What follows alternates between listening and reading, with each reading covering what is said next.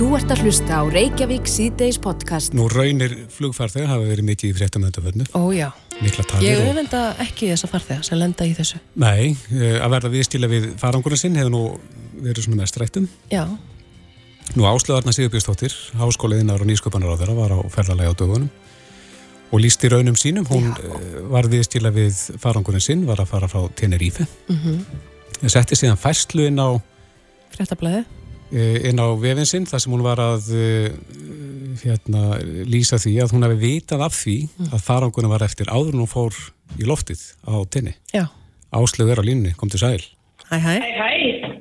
Er þú setur inn þessa fæslu þar sem að þú lístir því að þú hefði verið með þetta eh, Apple AirTags í töskunniðinni? Já, ég setti þetta nú búin inn á Instagramið mitt, svona fyrir fylgjendum mína, af því að þetta er í fyrsta skipti sem ég lendi í því að hún týnist, en ég hef verið með þetta í töskunum minni. Í, í svo síðustu ferðalög. Mm Og lí, lístu þið aðeins fyrir okkur, hvað gerir þetta Apple AirTags? Þetta er svona eins og margir þekkja Find My iPhone, uh, þannig að hún getur séð í öðru Apple-tæki hvað síðmiðin er ef hann týnist eða stólið. Þetta er svona staðsetningar tæki, má segja. Já, og ég fekk þetta upplega í gjöf frá bróðum mínum sem var ánum þreyttur á því að geima auka líklega í búðum minni sem ég var að svara þetta með tíma. Já. og hérna, og, en þú er þetta rosalega sniður til að setja á til dæmis eh, farangurinn og fylgja smiðunum þegar hann, ef hann týnist eða mm -hmm. millilönda og annað. En þú ert búin að vera að fylgjast með ferðalagi hva, hvert hefur hún farið? Já, hún fór nefnilega ekki kannski beinistu leiðin til styrstu leiðina heim heldur ferðaðist hún til Luxemburg og svo sá ég í morgun að hún hefði mist uh, samband þar á B-terminali uh, í morgun og þá sá ég að það var til Oslo hún lendi þar í dag og þaðan fór hún til Keflæk og hún lendi hérna heima á hann Nú. Ertu búin að fá hana? mjög- glöðu sér komin, nei, ég er ekki búin að fá hana Hún er komin til landsins. Hún er komin til landsins og ég var núna bara að fá SMS að, að hún sé mætt og á leiðinni til mig. En þú ert búin að setja alltaf annan endan vegna þess að mér skilst að, að þetta Apple AirTags í uppselt í landinu eftir að þú settir þessa fæslu inn. Takk Já, ég er búin að heyra því. Það er eiginlega alveg ótrúlegt en bara gaman að geta gefið góð ráðsósum en, en, hérna, en þetta er mjög sniðið sérstaklega út á ástandinu sem er víða í dag. En fóst þú sjálf uh, í beinu flugi eða þurftu þú að taka tengiflug? Hvernig var það? Ég fór bara í beinu frí. Já. Já. En eh, ég er mitt röldi hérna nýri Vestlun, Vodafone Vestlun á Suðurlandsbötinu og, og ætlaði að kanna stöðun og þá var sagt, komið bara stórar pantanir eftir að þú settir þessa fæslu inn og kláraði lagurinn. Já, ég fó, tók eftir eftir í deildisögu og ég fekk rosalega mikið af spurningum um hvað er þetta fæst en ég er nú ekki hefðundin á höfaldur og, og annað þannig að ég setti mig bara að fáist í þeim vörum sem selja Apple-vörnir eða Já. selja Apple-vörur segja. En þetta er stór sniðut á þessum tímum sérstaklega að vera með þetta á töskunni. Þetta er það og maður hefur séð þetta mikið ástand á völlum víðum heim þar sem vantar starfsfólk og, og mér fannst nú bara sjálfsagt að deila þessu svona með fylgjandi mínum á Instagram en ég veist nú kannski ekki við því að það færi nú í alla miðla valsins en Einmitt. það er nú bara ánægilegt. Þe- Þetta er fínt ferðaráð, Áslöf Arna Sigurbjörnsdóttir, kæra þakki fyrir þetta. Takk hérlega fyrir. Bless, bless. Herðu frá Áslöf Örnu eh, sem er, já, er að endurhemta töskunni sína í, til Æslandir. Ástísir Pétursdóttir, upplýsingafulltur á Æslandir er á línu, kom til sæl. Komið sæl. Já, við ætlum að reyna að fá góður ráð hjá þér til flugfarþega, svona hvernig þið geta reynt að hámarka það að ferðalagi gangi vel. Þú heyrir að raunum Áslöfar Örnu? Já, nákvæmlega og, og eins og bara fram hefur komið að það er ansi erfitt ástand á mörgum flugvallum, eh, sérstaklega í Evropu og sem að er að valda þessu bæði það að fólk ekki að fá taskutu sínar eða er að valda röskunum á flugi. En það sem að við kannski uh, myndum ráleika fyrst og fremst er að fylgjast vel með upplýsingum sem að við sendum á farþega fyrir brottfur og þær eru sérsniðnar að, að hverjum brottfara stað af því að aðstæður og fyrirkomulega er mismunandi á milli flugvalla. En ef við tökum Amsterdam sem dæmi, og hann hefur nú verið, þar hefur kannski ástandi verið hvað verst, að þar til dæmis erum við að ráðleika fólki og erum að senda á alla okkar farþega að innrita sig á netinu og eða gegnum appið hjá okkur sem er alltaf 24 tíma fyrir brottför og að nýta sér sjálfs ágriðslu á flugvöldinum til að afhenda farangurinn. Og hún, svo þjónusta opnar fjórum tíma fyrir bro- brottför og meðan að hefðbundin innritun uh, opna trefum tíma fyrr. Er meiri líkur því að, að farangurinn komist með ef að fólk fer þessan leið? Það flýtir fyrir og það er á sama segja eins og á Norðurlandunum að þar sem að þessi þjónusta er í bóði og hún er visslega ekki allstaðar en á þeim áfangastöðuna sem hún er í bóði þá, þá flýtir þetta talsut fyrir og hægt að mæta aðeins fyrr. En annars erum við raun og verið bara ráðleika fólki að vera undir þetta búið, vera undir það búið að það geti verið uh, tafir mm -hmm. og að uh, og gera ráð fyrir því að, að, að flug geti senkað og, en ef að eitthvað kemur upp á og nú ef að ef að fólk lendir í því að missa flugi eða eitthvað slíkt að þá, þá þarf ekki að örvækta við allavega höfum náða að koma okkar farþegum þá bara fljókt á næstu flug og það er kannski þá njótu við góðs að því hvað við erum með mjög þjætta flugáallin í sumar. Mm -hmm. Við erum oft með mörg flug á dag til sumar staða þannig að, að þá uh, sem gerur okkur kleift að bara koma fólki fljótt og öruglega á næstu flug, helst samdag. Einmitt. En ég sá í dag að þið ætli að fara að ferja hlaðmenn sérstaklega á ykkar vegum út til Amsterdam eða ekki, til þess að tryggja það að töskurnar rætti nú um borð. Jú, það er rétt. Og, og hérna við lendum nú í því en daginn að, að það var vel frá okkur var sérlega bara först út í Amsterdam því það voru bara engi starfsmenn til þess að hlaðana þannig að í því tilfelli að það tók áhöfnin bara uh, tók málinni sína hendur og bretti bermar og, og hlóð velina til að koma inn á stað. Þannig að þess vegna erum við að grípa til þessar ás að nú erum við, við byrjum á förstu daginn og það eru tvö fljóð á dag uh, við sérst första legat á sundag að þá sendum við tvo hlaðmenn sem hluta áöfninni til þess að flýta fyrir þessu sem verður þá að vinna við okkar vel uh, taka vélarna frá borði og svo hlaða vélarna aftur til þess að reyna að halda henn á tíma. Hefur þetta verið gert áður? Uh, ekki svo ég viti. En ég, ég þekki það kannski alveg nóg vel.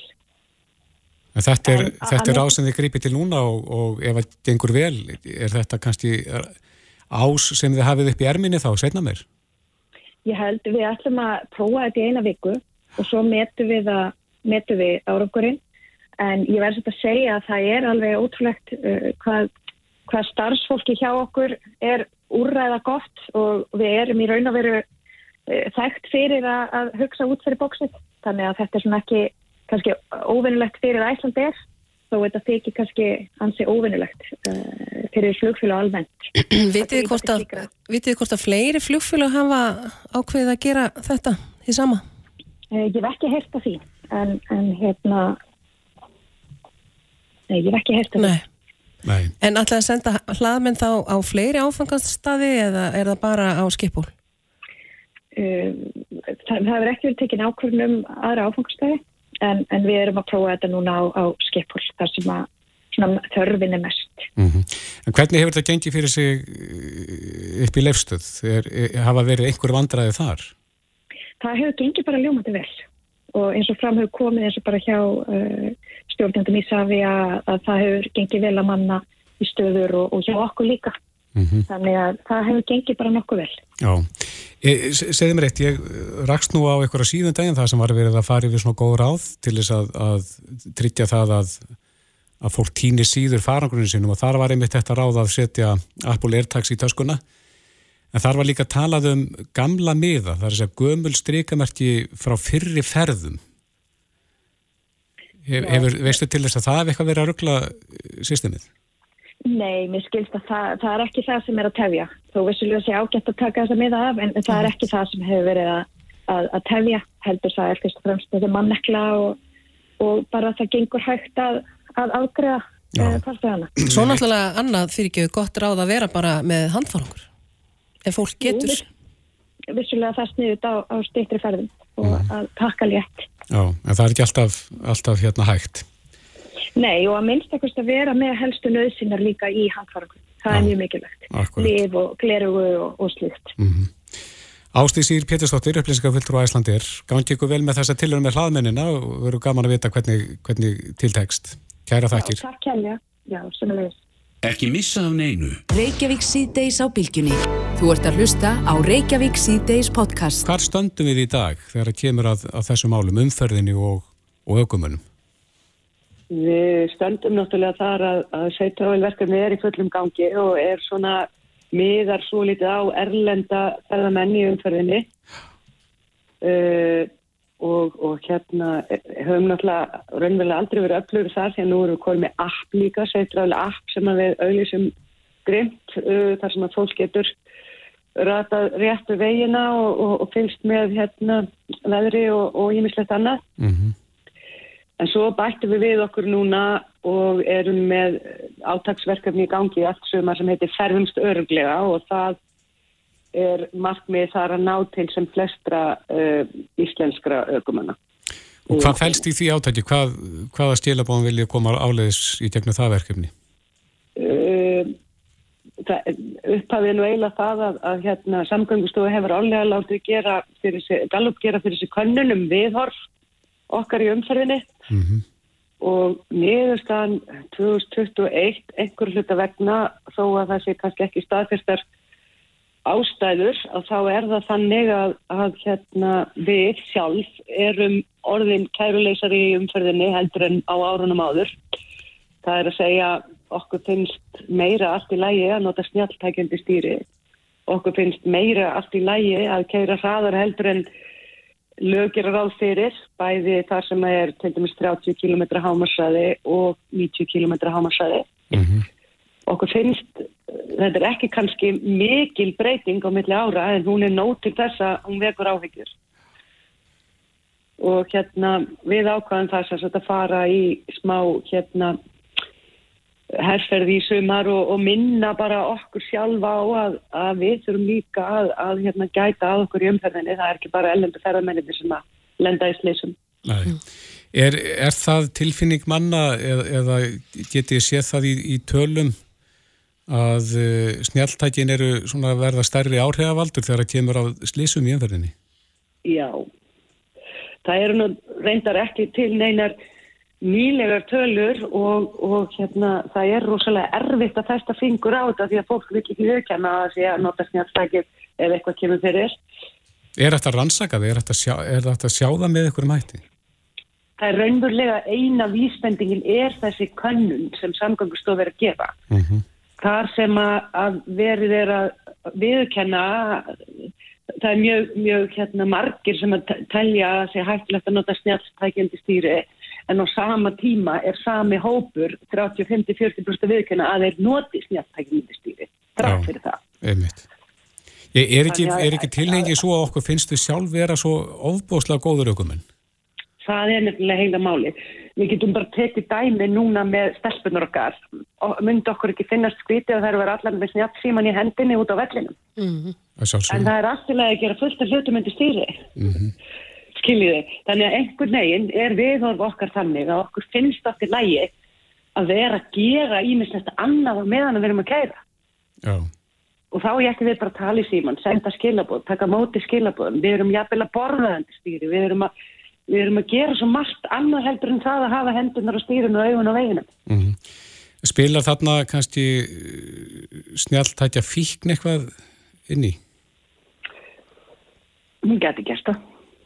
Já, ég get sagt þetta að ég kom við í staðarskála núna um daginn. Brá mér á salernið. Það stóð fullorðið maður með snjálfsíman í annari hendi og stóðið pissuskálun Nei, var hann að taka mynda sjálfum sér? Nei, nei, já, hann var bara að lesa eitthvað. Taka mynda sjálfum sér. En það er í þessum, þessum baklingi sem við erum að dreifa sem er núna komin á allar ólistöðar hringinu fyrir landið mm -hmm. og svo er fólkið okkar að undirbúa sig undir það að fara út á bæjarháttíðir og, og svona fjölfarnar staði hér og það er sumar og, og dreifa þessum baklingi og, og hérna svona framrúðuplástri frá sjóá og spjalla við fólk bara svona til að minna á það að bílstjórun á að vera bílstjóri og svo er maður alltaf með hérna fastæða í framsætinu sem getur þá farið í flugfjónaleikin og séð um skilabóðasendingar og útvarpið og, og hérna aftursætis farþegarna sem að taka nú oft miklu aðtekli frá mm -hmm. bílstjórunum. Mm -hmm. ja, þetta er heilmikið átaka... Það er fullur af leikjum líka sem að hægt er að, að hérna, nota í aftursætinu. Sko. Þannig að hann er líka skemmtilegur. En þetta er náttúrulega bara ávanni, slæmur ávanni og það þarf að endur forrita fólk reynilega. Svona hvað það gerir undir stýri. Algjörlega og svo þurfum við líka bara að bara átt okkur á því að það eru ástæðir fyrir því að við erum með hámarsraða uh, þó svo að ég sé besti bílstjórun í heimi og geti kerst miklu hraðar að þá eru innveðirnar okkar kannski ekkert alveg að þóla eitthvað kappafstur sko. Nei. En hvernig er þetta með erlenda ferðamenn? Þurfa þeir ekki einhverja ákveðna fræðslum það hvernig ná að keira hér á landi? Því hér eru kindu sem eru lausar og eru hlaupandi við þjóðvegi og ímislegt svona sem byrja að varast. Það er lausamöl út í kanti og, og svo koma ferðamenn og ætla jafnvel að taka bara gullringin á, á þremu tímum og þeir eru óutsopnir og þreyttir. Ég veit nú nokkra sem að hafa mætt bara hálf sofandi aukumanni. Þetta er stór hættulegt. Það er ekki að fræða um, ferðamenn eitthvað frekar? Sko, Safe Travel verkefni er náttúrulega samstagsverkefni uh, allra hérna hagaðila eins og til dæmis vegagerðurinnar og veðustofunar og bara eins og ofinbæra samgöngustofu. Þar er við að kynna um borði í Æslandi er velunum öllítið um það það sé svolítið öru sem keir á Íslandi. Við erum komin með bæði inn á safetravel.is og á bílalegunar svona uh, ökupróf þar sem að þú náttúrulega svarar nokkru spurningu sem raunverulega eru miða er að því að mynda að benda á þetta eh, hvað er öðruvísi á Íslandi Einmitt. við erum með appið sem að vísar við hérna eftir þjóðvegi eitt til Akureyrar en ekki þvert yfir landið mm -hmm. við, við erum með yfir 300 ferðarþjónstu aðila sem að fá skilabóð reglulega frá Seifgravel um ástand vega og veður og eru bennir um að vara sína gæsti við Við erum með sjónarskjáið á yfir 120 stöðum á landinu þar sem að fólk stoppar á áningastöðum og, og bensinstöðum Já. og gerum bara allt sem við getum til þess að ná til erlendra ferrumanna. Já, við heyrum það að það er fullt í gangi. Flott. Algjörlega. Eh, Svanfríður Anna Lárastóttir, verkefnastjóri Slísavatna, við segjum bara gangi ykkur vel að, að fræða, innlenda sem erlenda í þessum efnum. Kæra þakki fyrir spjallið. Takk fyrir það. Þetta er Reykjavík C-Days podcast. Reykjavík C-Days, þjóðinn, ég situr vonandi límt við EM í knæspindu Kvenna. Já, hann byrjaði núna alveg á fulli. Já, og Ísland þreytti fyrir umrun sína á þessu móti í gær, á móti Belgi. Mm -hmm. Átti að vera auðveldi leikurinn en hann var ekkert svo auðveldur, endaði í aftefli, 1-1. Gummi BN komið til okkar, velkomin. Takk fyrir.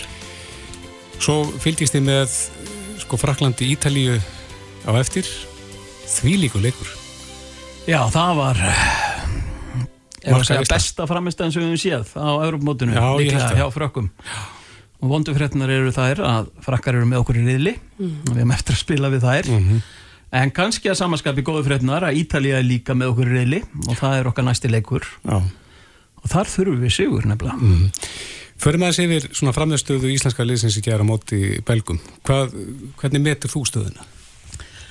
Sko ég held að ég og, og, og við öll sem að horfum á séum svona örlítið svegt að hafa ekki mhm. náði sigur þetta var svona og eins og þú kannski saðir áðan Kristófur að kannski flesti sem lit á þennan leik og, og þennan anstæðing Belgiu sem svona kannski slakasta liði í reilinum mm -hmm.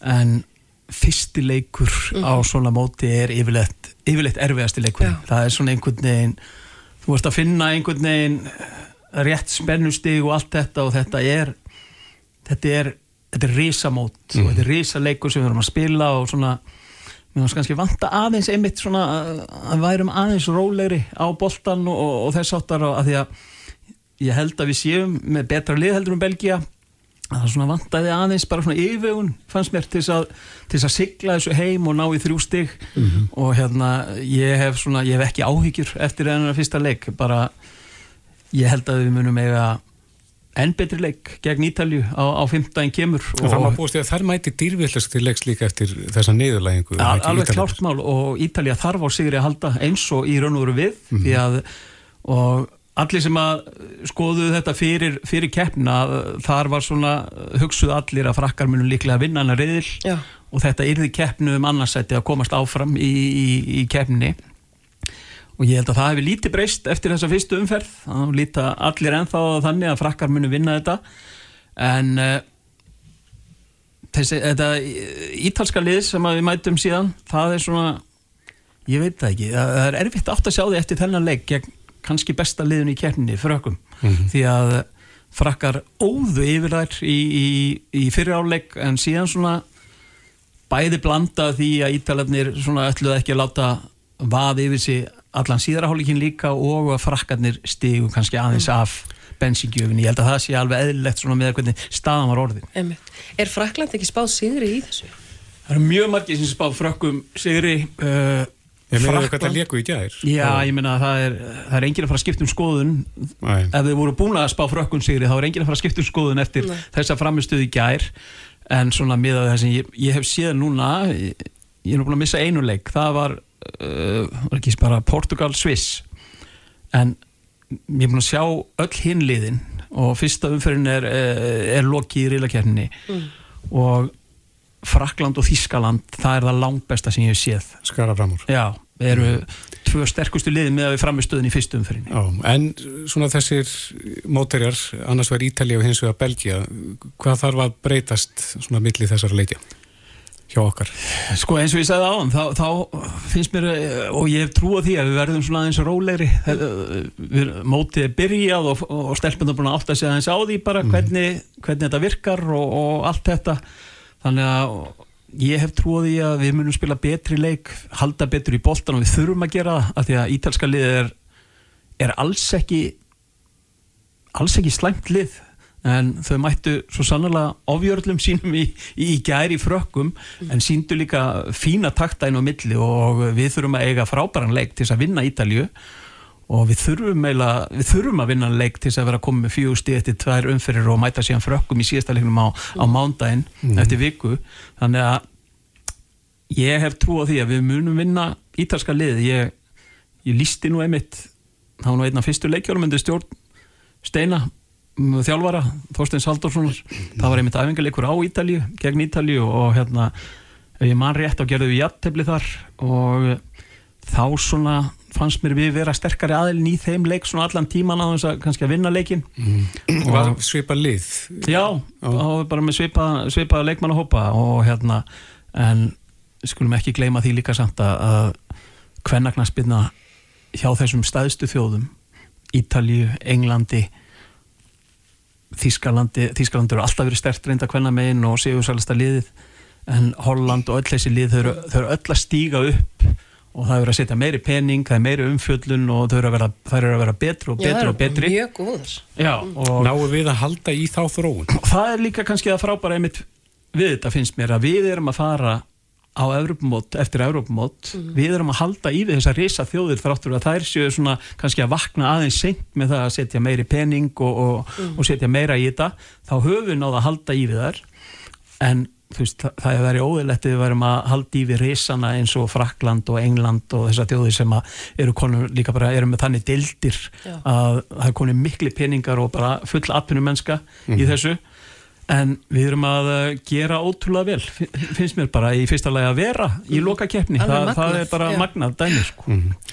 En svona hvað getur við gert okkur uh, háar vonir um að, og miklar vonir um að komast áfram í þessari keppni? Ég geri mér mjög leift vonir. okkur að og ég held að við ættum öll bara að gera okkur mikla vonir. Og við höfum að vera jákvæð og, bjassín ég menna það trú flytur fjöll segir, segir víða. Og hérna allavega tilfinningin mín er svo að við munum vinna Ítalju og síðan gerum við óvænt jæftæfli við Frakland að því að Frakland verður búið að vinna bæði Ítalju og Belgíu og komnar áfram með 6 stig. Og kvíla, kvíla svona byrjunleiði sitt og minnis báminn fór að spila. Og þar gerum við gott jættefli og við förum siglum í öðru sæti reyðilsins með 5 stig inn í, inn í áttalega úslitt síðan. Það, er- það er minn draumur. Það hljóma mjög vel. Hljóma mjög vel, en næsti leikur á 50 daginn kemur Jú, á móti Ítalíu, Bara hvetjum allan til að horfa, þetta er árið gríðarlega spennandi sko. Ekki spurning. Mm Gummi Ben, takk fyrir komuna. Þetta er Reykjavík C-Days podcast. Það er júli mánuður og það þýðir að fjöldin allur og ég tala um að börnum er út um kvippin og kvappin. Kvipin og kvapin. En það er líka verið að reyna að halda lestri að börnum, að, að lesturinn dett ekki niður yfir sumatíma. Það er svona freistandi að vera bara eitthvað stór út í eða Já, eða margir krakkar eru bara einfallega í iPadnum og TikTok og, og eitthvað annað. Sko. akkurat. Mhm. En Gunni Helga, Já, leikari með fleiru, er að reyna að halda börnum við efnið já. þegar það kemur að lesturinu.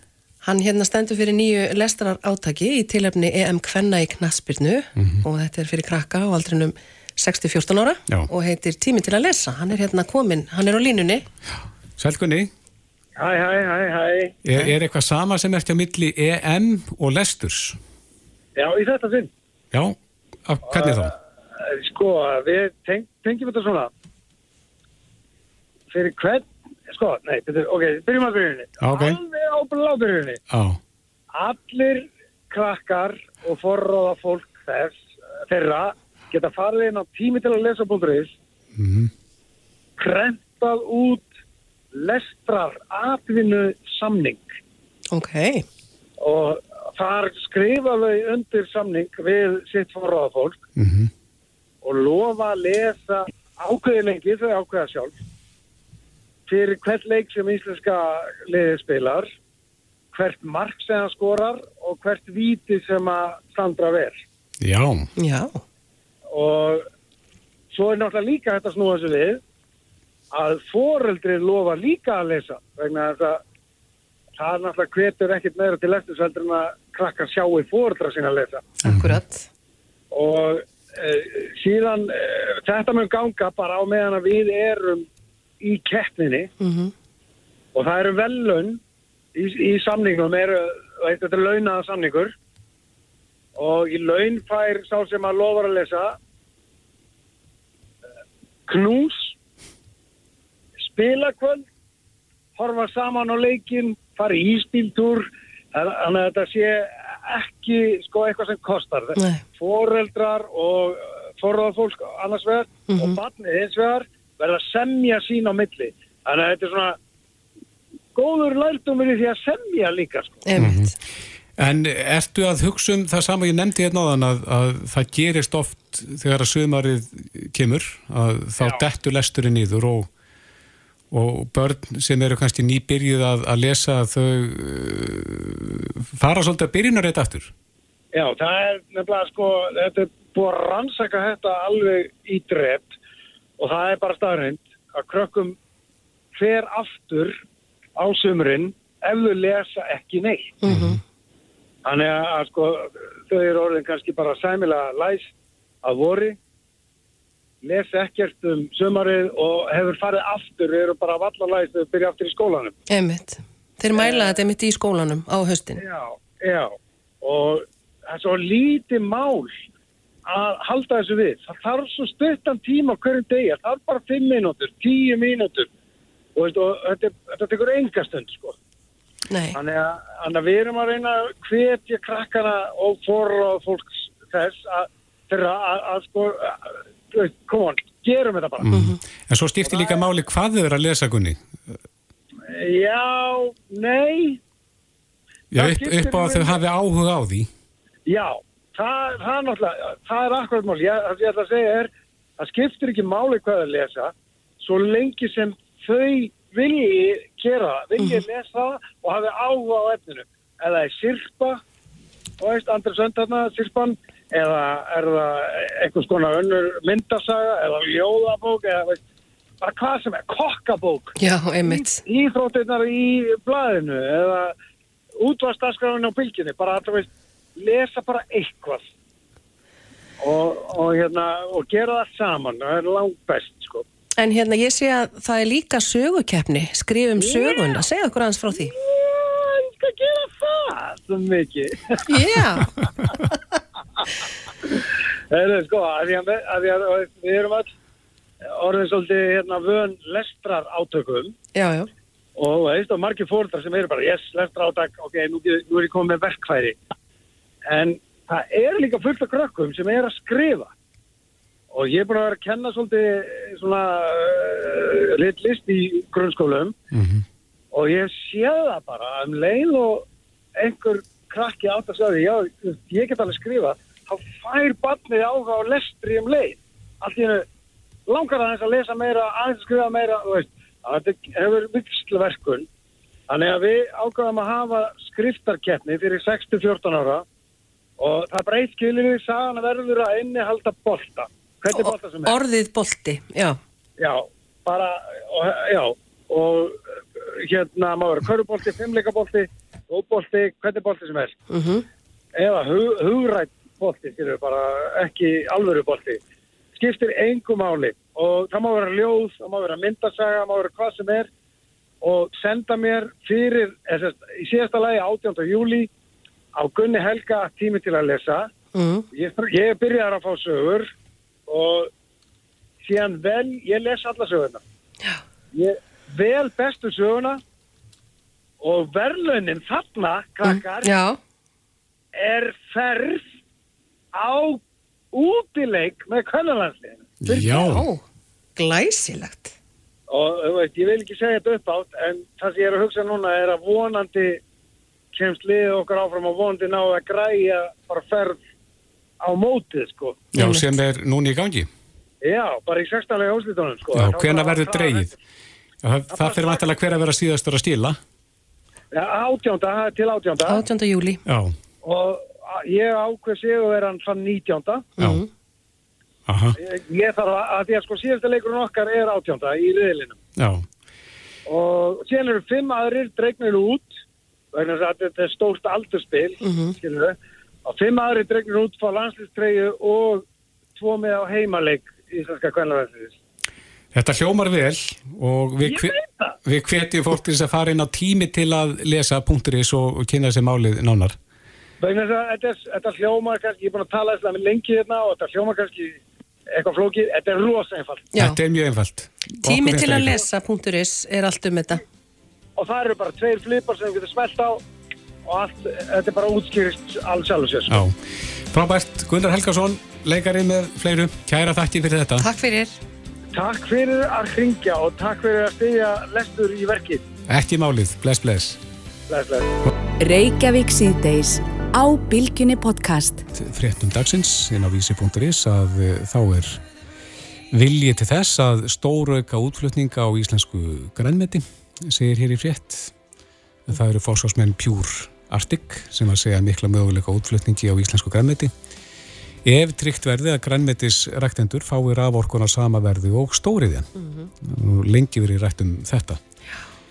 En hann er komin til okkar til að ræða þessi mál Gunnlegu Karlsson, framkvæmdastjóri Sölufélags Garðakjumanna. Velkomin. Já, takk fyrir að bjóða mér í þáttin og alltaf gaman að taka þessu umræðu. Það er mikið að gerast í garðikjunu þessa dagana. Já. Það núna er náttúrulega þessi árstími í júli, það nú er ímislegt að gerast, útiræktin er að byrja að koma inn, gott vor, kallt í júni, kom kuldaskeið, mm -hmm. kartöflundar komnar í Vestlanir, það er, það er bara mikið að gerast núna, það er að koma fyrsta blómkálið, kínakálið, svo spergikálið og leðinni og svona framvegst, þannig að þetta er svona skemmtilegu tími, uppskeru tímin hjá garðikjunni og alltaf svolítið áhætt að það mann er að rekta þetta úti, en En það sem er síðan ræktað inni sem að við erum hann aðeins að koma inn á í þessari frétt að það er náttúrulega garðikjan á Íslandi er þannig að þetta er svona hátækni grein það þarf að vera hægt að stýra öllum aðstæðum rakast í, hítast í og vökvaða með þessu dásamlega íslenska vatni sem er með nægan aðgangað þannig að það er, það er bara ógnótt að því. Og nota svo jarðvarman til að stýra hittanum í gróðurhúsunum. Og svo síðast ekki síst að nýta rafmagnið Já. til að búa til græn, grænt ljós eða ljósið fyrir planturnar úr grænni orku. Hvað er, er raforkan uh, stór partur af framlýslu kostnaðinu? Já, í gúrkunum til dæmis, þá er þetta svona einn þriði af gúrkunni sem fer í það. Og það er mikið slagsmál um þetta og mjög ósangjarnar nálganir í verðlækninga okkar mati og til dæmis fluttningskostnaðurinn á rafmagnir sem er eðli sinu engin því að þeir búið að leggja strengina og koma spennunum fyrir það kostar ekkert að flytja rafmagnið en það var komið inn á þessari frétt sem að var svolítið, óha, var svolítið merkilegt að sjá það að þessi flotta gúrkustöð þarna fyrir vestan sem búin að starfa þetta í 80 ár og til hann mikið með amalið, það var einmitt 80 ár á þessu ári þessi stöð. Þar er garðekjustöð við hliðin á aðvindastöðinni á tvöfalt hærri flutningstaksta heldur en í- sem sagt eh, fólki fjöl, fjöl, þarna, þéttbíli og þannig er ekki verið að nota við með hvað er nota mikið rafmagn heldur hvað er búamarkið. Þannig að ef að flytja 200 manns lögheimili sitt þannig þeirra þá lækkar gjaldskráfin Já, já. þetta þarf að laga nú síðan má alltaf velta fyrir sér hvort það væri hægt að gera meira í grænum tökstum fyrir garðikjuna í rafmagninu sjálfu. En niðurstann er einhver síður svo að við höfum verið að gera tilrunir núna síðan 2016 og 17 svona að heyra í möguleikum varðandi okkar nærmarkaði Grænland og Færiðar vorum við svona mikið að skoða og sérstaklega Grænland vegna þess að þar fór í gang reglulegi skipalflutninga frá Íslandi vikulega. Fórum í svona tilruna starfsemi með það og, og grænlendingu hafa verið að flytja mjög mikið inn með flugi alls konar Á grænmeti hérðan þá eða? bara mikið frá Danmarku og kannski minnst hérðan niðurstaðan er svo að, að það er ekki nema þryggja daga sigling á núk og það er hægt að skaffa þeim ferskvöru mjölkulítarinn á- í, í, í núk kostaði þúsund krónur.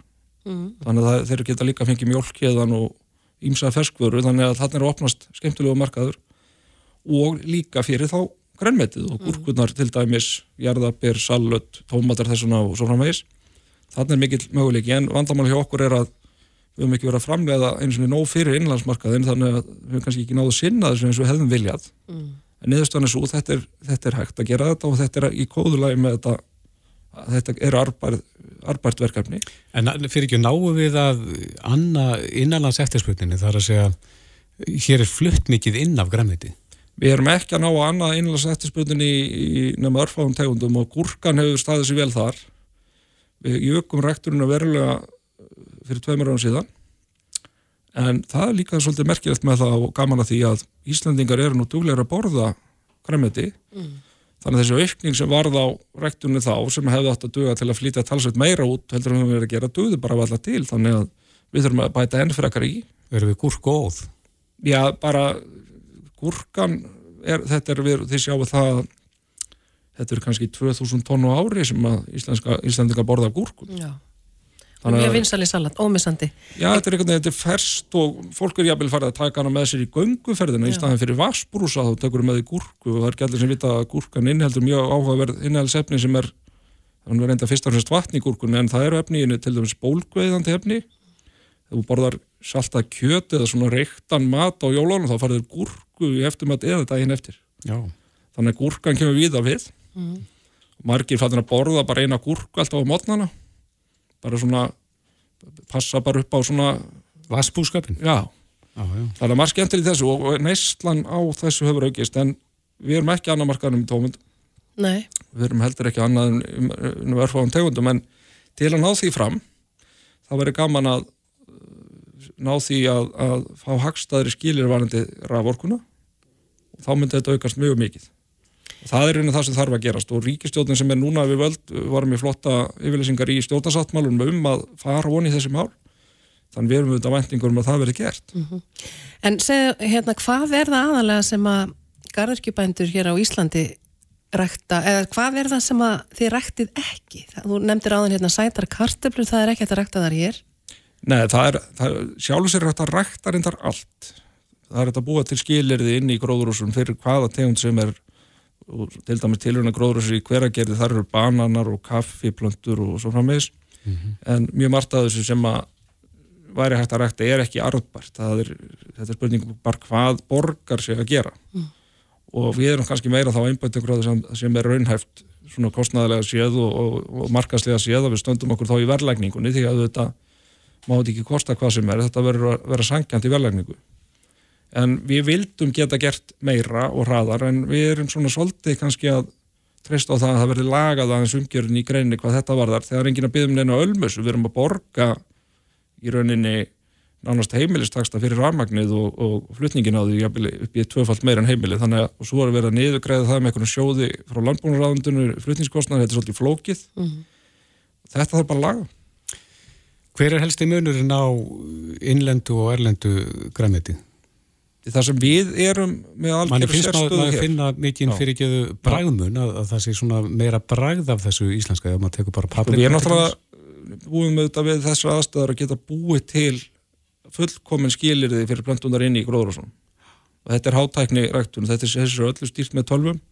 Rakastígi, hittastígi og vökkun og næring og þetta er allt nákvæmlega reiknað út með ræktunar tölvum Mhm. sem fólk stýri svo síman sér nákvæmlega hvað fyrir mikið af öllu inn í gróðrúsum og plantan er alltaf fullkomlega hafmyggisum, það er markmið Mm. og svo erum við náttúrulega svo heppin að hafa þetta dásamlega vökunavatt sem er í rauninni stóri líkitin að þessum gæðum. Því að ef plantan er heilbrið þá eru afurinn heilbrið og yngri líftími og meiri bræðgæði og fersleiki sem kemur út úr því. Og svo erum við þetta við markaðin við erum nær markaði þannig að þetta koma sér ferka á markað. Það fara bílar frá okkur hálf sex á mótana alla daga. Ná í vörur koma þessu fersku í búðunar og síðast í morgun var við mitt verið að koma með bílaf fullan bíla kartöflum sem er að koma í búðunar núna Já. Nýjar íslenskar? Nýjar íslenskar kartöflur komnar í Vestlanir og það er komið eitthvað blómkál og spergikál á leiðinni og svo framvegist þannig að þetta er alltaf brest á En það sem þið eruð að skoða uh, og sjáið svona eða horfið í sókn erlendis, hvað er það aðalega sem að þið ætlaði að flytja út? Er það agurkurnar og... það verðist vera mjög áhugavert til að mynda með gúrkurnar Já. og, og aðrar í Danmörku eru búin að koma hérna tvísvar til okkar og til að fara betur yfir þessi mál. Aðstæður í Evrópu víða eru erfiðar í ræktun, það er suður spátnir og svolítið erfið með vassbúskapin þar. Mm. síðan er aftur orkukostnaður í Evrópu. Þeir þurfa jú að hitta húsin líka í Danmörku. Hann er sprungin upp á öllu valdi. Hittunarkostnaður og, og ramag líka. Hollendingar eru í stórvandræðum, þeir slögtu á stórun hluta rekturinn hjá sér í vetur út af orkukostnaði þannig menn er að leita leiða og það sem að við erum þá fjær markaðan þetta er samt bara þrýr daga með skipi. Þannig að það er ennþá í mjög góðum gæðum þegar það kemur á markað. Og kolumins fótspor í skipaflutningum er lágt. Og kolumins fótspor í ræktunum okkar er mjög lágt. Þannig að við stöndum mjög vel að við líka þar því þetta er þáttur sem að menn er að horfa sífilt meira í. En svo hefur flutningskostnaðurinn uh, aukist, er það ekki? Jó, flutningskostnaður með skipum vissulega, það er vissulega þannig en einhver síður er það samt ekki me meira en það að þú þarf kannski að trukka sem er vörubíl allavega frá Suðurspáni á móti. Mhm. Þannig að Hvað, hvað er hægt svona með við þessa rektun sem er í gangi hérna á Íslandi núna, hvað er hægt að aukana mikið? ég myndi segja að væri í sjálfu sér svo lengi sem markaðin er opnast þarna þá er, getur þetta orðið bara meiri háttar skemmtilegt verkefni bara, og meiri bara útflutningsgrein það er í rauninni ekkert sem að á að geta komið vekk fyrir það svo lengi sem markaðir eru tilbúinir að kaupa þessa vöru og ef við skoðum gæðin, menn er horfaðu þetta á heilnæmi vörunar, meira og meira. Og vörur sem er sömum gæðum og við erum að framleiða kosta líka mikið í Evrópu, þannig að við erum kannski herri verðum þegar heilt yfir. Það er mann, mannaflin hér er dýrar en suðurspánu og svo framvegs Mm. en það áhugi og eftirspurn eftir hágæða matur er sífælt á aukast og kólumsfótból gerir þannig inni og bara umhverfis áhrif er ykkur umhverfis áhrif af rektunni til dæmis staðstað gúrkustöðun okkar hér. Þar kemur vatn inn gúrkur út. Mér sé heita vatni grænur er gerðin gróður og sér vatn út í hverin þannig umhverfis áhrifin að þeirri rektun eru nánast engin. Nei. Rétt aðeins að lokin eh, hérna, nýsköpun í þessu, er verið að rækta eitthvað sem hefur ekki verið ræktað áður? Það er alls konar til Nú. að við gangi í gróður og svona, það er, það, fólk náttúrulega með þessa grænu fingur er, það elskar þetta og er alltaf að prófa eitthvað nýtt og það er eldpipar, það eru silli, það er, það er alls konar tegundur smágúrkur hafa við ræktað þetta síðust árin, mjög, mjög góðar, mjög vinsalróðnar. Þannig það, og alls konar tegundar af nýjum tómutum hafa verið að koma hérna inn á markaðin, því þekkið að þetta er algjör flóra, þetta var uppalega var þetta bara einn tegund af tómutum, svo verið það kannski orðnar 10-15 í dag. Eru frið heima stærstir í því? Fríðamir er stag stærsti tómataframnaðend en nú eru þar með aðalega þrjár tegundir, það er venlegu tómatar, svo eru þeir með pikkal og, og síðan plómutómata Mhm. og síðan eru nok allan okkur, þó nokkuð margir aðrir með alls konar önnu ábreið mísún og tómata til dæmis sólskistómatar og, og svo framvegist, það er, það er alveg mýmörg afbreið þessu Það virðist vera Suðu vestur landið sé svona aðal staðurinn til ræktunar, ekki satt? Jó, það er svona í gróður sem er langt mest á í Reykjolt, Flúðum, Laugarossi svo er líka stórgaríkistöðu hverjavöllum fyrir norðan, rétt í Húsavík svo er Vesturlandi, þar er svona stæstur hérna húskapurinn hjá þeim eh, sem sagt Þóralli og Erlu Mm. á Löglandi sem einmitt kom fram hérna í fréttinni Mhm.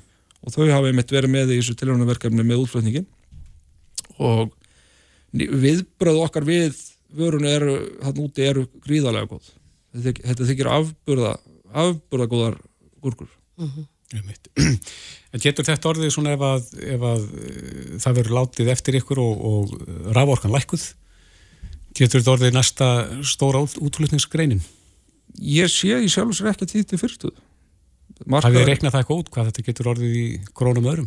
það er, það, við erum að tala um miljardar náttúrulega ef að þetta fer á stað það er alveg ljóst, þetta getur orðið bara mjög skemmtilegt gjaldiriskapandi verkefni og það er enginn að byggja um að gefa rámagnæðið af flyttingin á því, það er bara verið að byggja um sangjaldnar í verðlæningu Já, til jafs við aðra. Já, ég er unni þetta er bara grein sem við höfum að horfa semst, á matvæla landið Ísland Gunnlaugur Karlsson, frangotastjóri Sölufélags Garðurkimanna og þú ert jáfnframt stjórnamaður í þessu fyrirtæki Pure Arctic, eða ekki? Jó, ég hef verið með í þessu frá upp að við nánast kom inn í þetta bara svona þetta var nú eiginlega fyrst bara hugmynd og svo svona smá saman þróðast þetta yfir það þetta er orðið al, að alvöru. Mhm. en mér langar líka að nota tækifærið bara hérna að því ég fekk að koma í þáttinu bara aftur enn og aftur bara þakka íslenskum neytendum fyrir samstarið því að ef að íslenski neytend kaupi ekki okkar vöru þá framleiðu þetta ekkert. Þetta er bara allt í höndunum og ykkur neytendur góðir og takk fyrir samstarfið, þetta búið að vera frábært. Já, gangi ykkur vel með þetta, kæra þakkir. ykkur. Takk Vertu með í umræðunni Reykjavík síðdeis á bylgjunni Hlustaðu hvena sem er á Reykjavík C-Days podcast. Áttamindi gengin í 6 er klukkan, Reykjavík síðdeis á leiðin heim, en uh, við ætlum aðeins að ræða næst uh, kort. Mm Mhm. -hmm. Það sé ekki flestir með, með eitthvað skona kort, Jú, ég held að flesti séu debitkort með. eða kredit. Já. En uh, ég man eftir því og við vorum að rifja upp hérna áðan þegar að ferðalangar á leið til útlanda voru varað við því að láta kortið sitt úr auksín. Mhm. Það voru menn að taka kortin og fara með eitthvað á bakvið Já, til þess að þjónarnir tóku strauja. þetta bakvið og eitthvað, já. Já, en þá var, voru bröð á því að segulröndin væri afrituð Mhm. og síðan var og byrtust fæslur eitthvað stórandi heimi Já. sem að fólk kannast ekkert við. En það er mikið gæst í öryggismálum síðan. Á línunni er Ísabella Ágústóttir, hún er sérfræðingur í svikamálum hjá Salpei. Sæl. Sæll. Já, er það ekki? Það er hérna öryggi korthafa er miklu betra og meir í dag heldur en var bara fyrir segjum 15-20 árum. Jú, sko við erum í þeirri einstöku stöðu í dag að hafa upplýsingar um þróun svika í rauntíma og þar af leiðandi getur til þess að, að auka vartir svona jæmt og þétt. Já, brugði strax við. Já, Já, já. En e, er það tilkoma snjalltækjana sem að, sem að möguleikin á auka öryggið hefur orðið? sko svik eru og hafa alltaf verið erfið skessa að hemja Mhm. en net svikin hafa já aukist til muna og eru vissulega mikilvægur þáttur í því að, að hérna, koma í veg fyrir þessi svik að vera meðvitaður um, um þetta. Já, þa- þannig að, að helstu svikin e, og hættur kortafa er, er að gefa upp uh, kortanúmerin sín í gegnum netið. Já, í dag er það svona það sem, það sem ber höfuð hæst. Gengur ekkit í þeirri baráttu? Jú, það, það gengur, það gengur vel. Það er alltaf, þetta er alltaf svo svo litlu eltingaleikur, vissulega, en jú, það gengur vel. Það er mikið lagt upp úr þróun og þróunar vinnu svika varna hjá Salpei og mikið púður sett í að, sett í að greina þetta, svo hægt sé að, að finna minnstur og, og vera aðeins á undan óprútna aðranum. Þannig En- jú, bara... En hvað er svona, ef þú, sko, sumir eru mjög hrættir við að vesla á netinu ak akkurat út á þessu, en hvað er svona, ef þú kemur með einhver heilræði, hvað ber maður að, að varast? Rosa mikilvægt að vita hvar þú ert að setja kortnúmerið inn, að vera að vesla á síðinni sem þú heldur og sérst að vesla við, ekki vera að hoppa á síðina frá til dæmis eins og Facebook eða öðru. Og þá er líka mikilvægast að pæla í secure code eða auðkenniskóðunum sem kemur í SMS-i af því í þessum auðkenningarskilabóðum sem koma í lokkaupana í dag þá kemur svo upphæð fram sem raunverulega er verið að reyna að rukka þig fyrir. Já, þannig að það er gott að, að opna þau skilabóð og lesa þau vel. Það getur alveg skipt sköpum í aðstæðum eins og þessum. Já, eru svikarhappandir að, að reyna að blettja fólk með því að láta þetta lít út fyrir að þetta sé í krónum en, en er í rauninni þá í evrum eða dólarum? Akkurat, eða þá upphæðin sem stendur í tökum dæmi um þessa pósta sem hafa verið að dinja á landsmanninum frá, frá byrjun sumars Mm. þá er og þetta oft sett í að póstarnir koma fram í nafni rótgróna fyrirtækja hér á Íslandi og komu til dæmis í nafni borgunar salpi fyrir í mánuðinum eða fyrir á þessu tímabili og þá var rosa mikilvægt að fyrir kortafa að skoða þessi auðkynningar skilabóð því að upphæðin í póstunum gæti verið 23 eurur eða 23.000 en síðan er allt í einu verið að reyna að rukka þig fyrir 300.000 eða, eða meira. Já, og ef að, ef að fólk eh, staðfestir með þessum staðfestingakóða, er þá Mhm. ábyrðin öll hjá korthafanum? Í fræðilegum skilningi já, þá ávirkar það þannig. Þú ert í raun að taka fulla ábyrð á þinni fæslu. af því að í þessum skilabúðum þá koma þessar upplýsingar allar fram. En er engin leið að, að komi veg fyrir fæsluna þar sem þetta er allt saman rafrænt og, vantilega tekur eitthvað tíma? Hvað hefur fólk Já. langan tíma til þess að, að gera viðvart um og, og láta stöðva millifæsluna?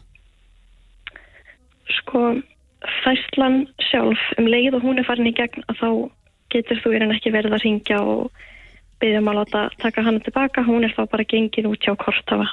Þannig að forverðin sjálf á sér einna helst stað áður en þú slerð inn öryggiskóðan. Ef að ég er með vestlun hér á, segjum bara Íslandi og, og ég rukka fyrir ykkur að vöru, hvað er ég lengi að fá peningin inn á reikningin til, til mín? Tekur ekki alltaf eitthvað tíma fyrir sko kortafyrirtækið að afgreða sölu aðilanum upp að hennar? Jú, akkurat. Það veltur, það veltur á fæslu hýrðum hverju sinni. Þannig að það er ekki engin fæst tölu að tala. Nei, einmitt.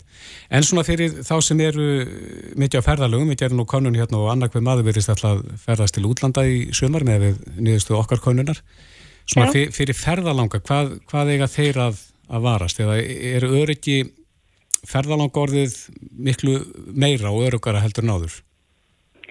Sko það er bara það sem að maður myndi alltaf, alltaf vara við. Bara hvort sem árið er 2001 eða 2022. Það er bara það að, að passa upp á kortið sitt og, og hafa það meðferðis og vera ekki að láta það að fendi eins og þið voru að nefna áðan. Það er svona.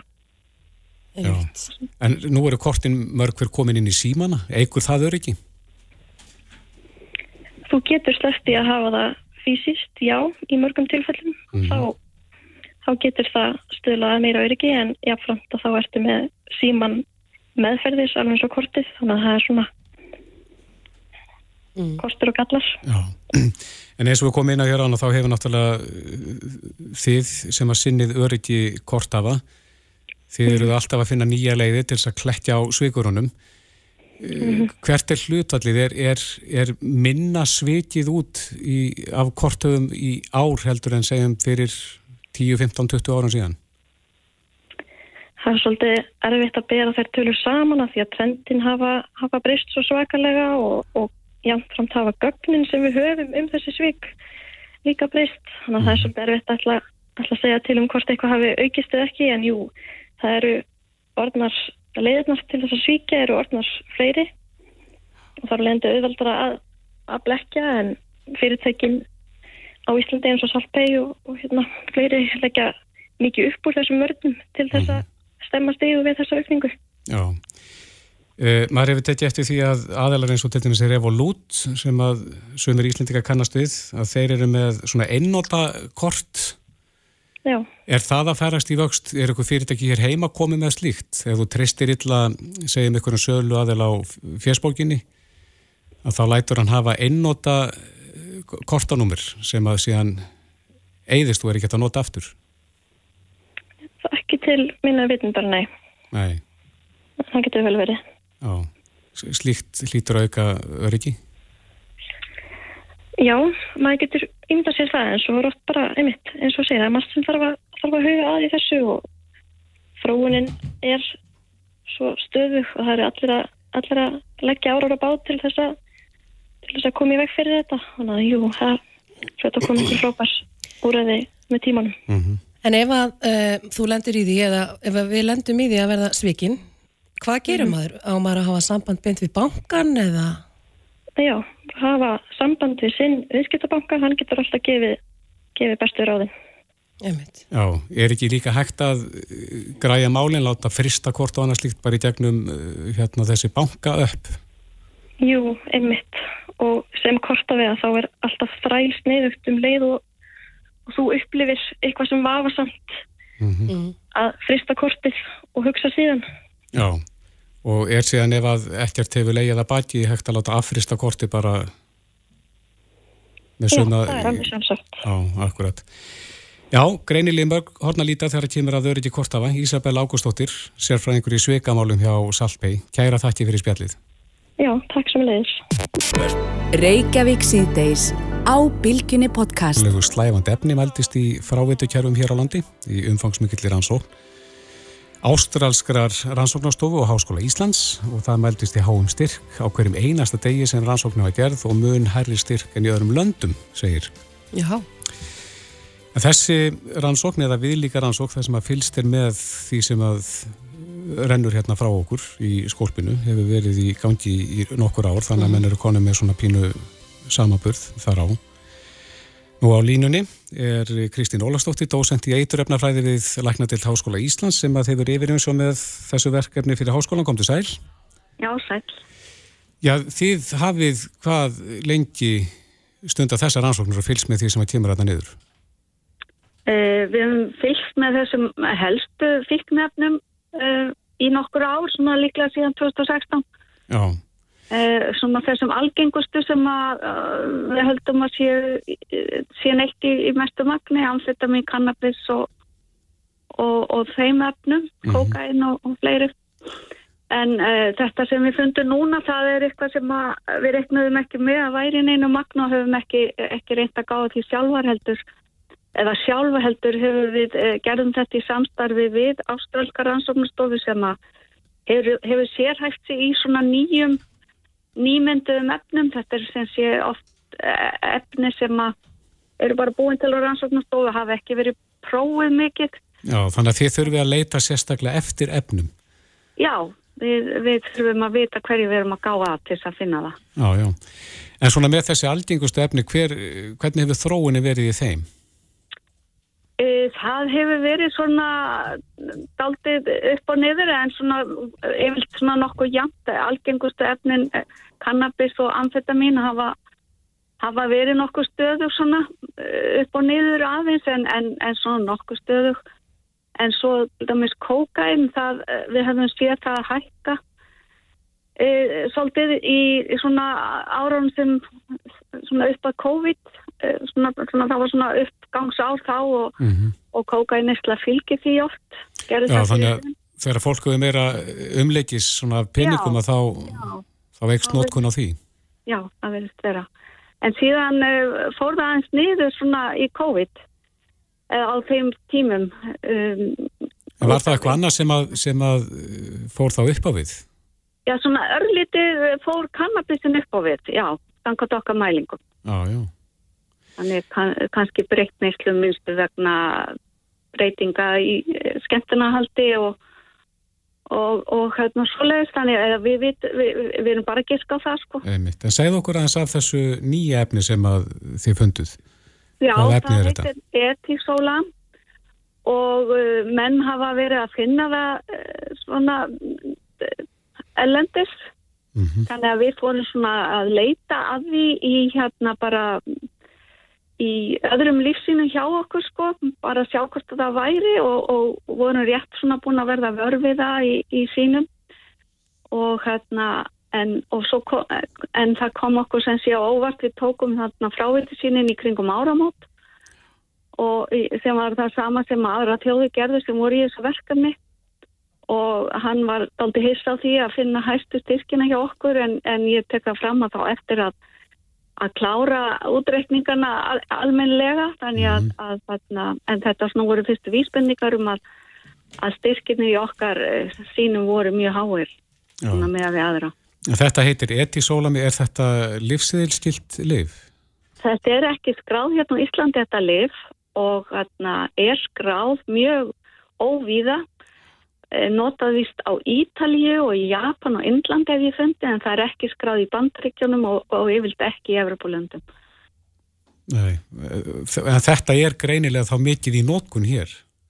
E, já, það virðist vera það e, sem þá ólöglegt efni.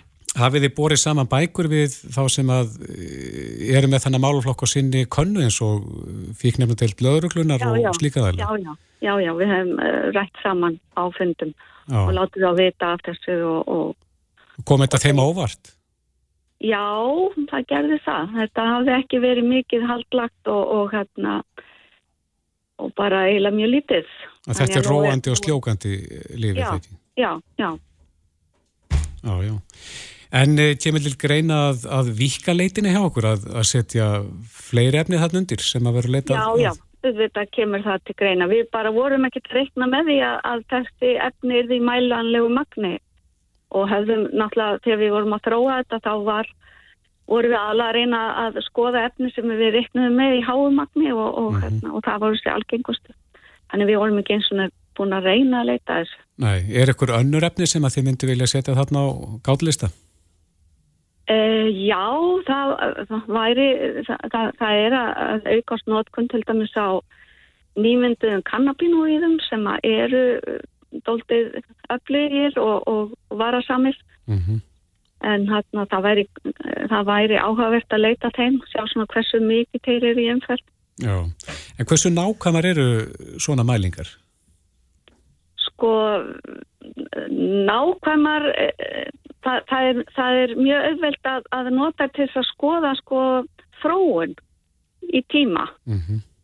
og, og við fáum líka mælingarnar uh, getum fengið það er svona mjög hratt og, og séð, séð hvernig fróunin er og, og sem stær ellendir þá er þetta bara nota sem viðvörunarkerfi Er, er þessa mælingar bara á einum stað eða eru þið með marga stöðvar þannig að getið bórið sem að hverfi?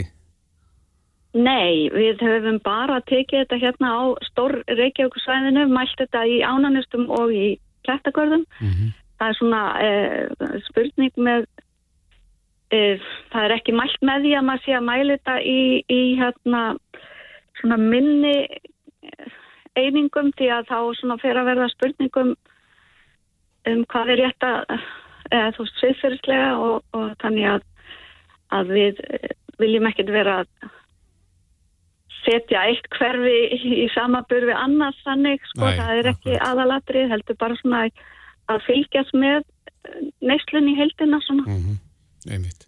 Var eitthvað sem kom ykkur óvart fyrir utan þetta nýja efni í þessari mælingu? Uh, nei, hún, uh, niðurstana er ekki endilega, endanlega komin, þeir munu leita að fleiri svona nýmyndum efnum og, og mögulega kannabinóiðunum líka, sko en hérna, það, þeir, þeir sögðu mér að það, þeir hefur rekist á fleiri efni. En það verður spennandi að, að sjá. Já, þegar að svo niðurstöða kemur hvenar er von á endanlegu niðurstöðum? Sko þetta vor, var bara núna skýrstu uh, áramót að, að það, og þetta voru 35 frávitstöðar þannig að þeir eru bara ennþá að vinna úr niðurstöðunum. Ég er nú, reikna nú með þetta að fara að koma. Einmitt Já, þetta er uh, spennandi og segir sína sögu um, um nesluna í landinu en uh, Kristín Ólastóttir, dósent í eiturrefnarfræðið í Læknadild Háskóla Íslands, kæra þakki fyrir þetta. Já, semulegis.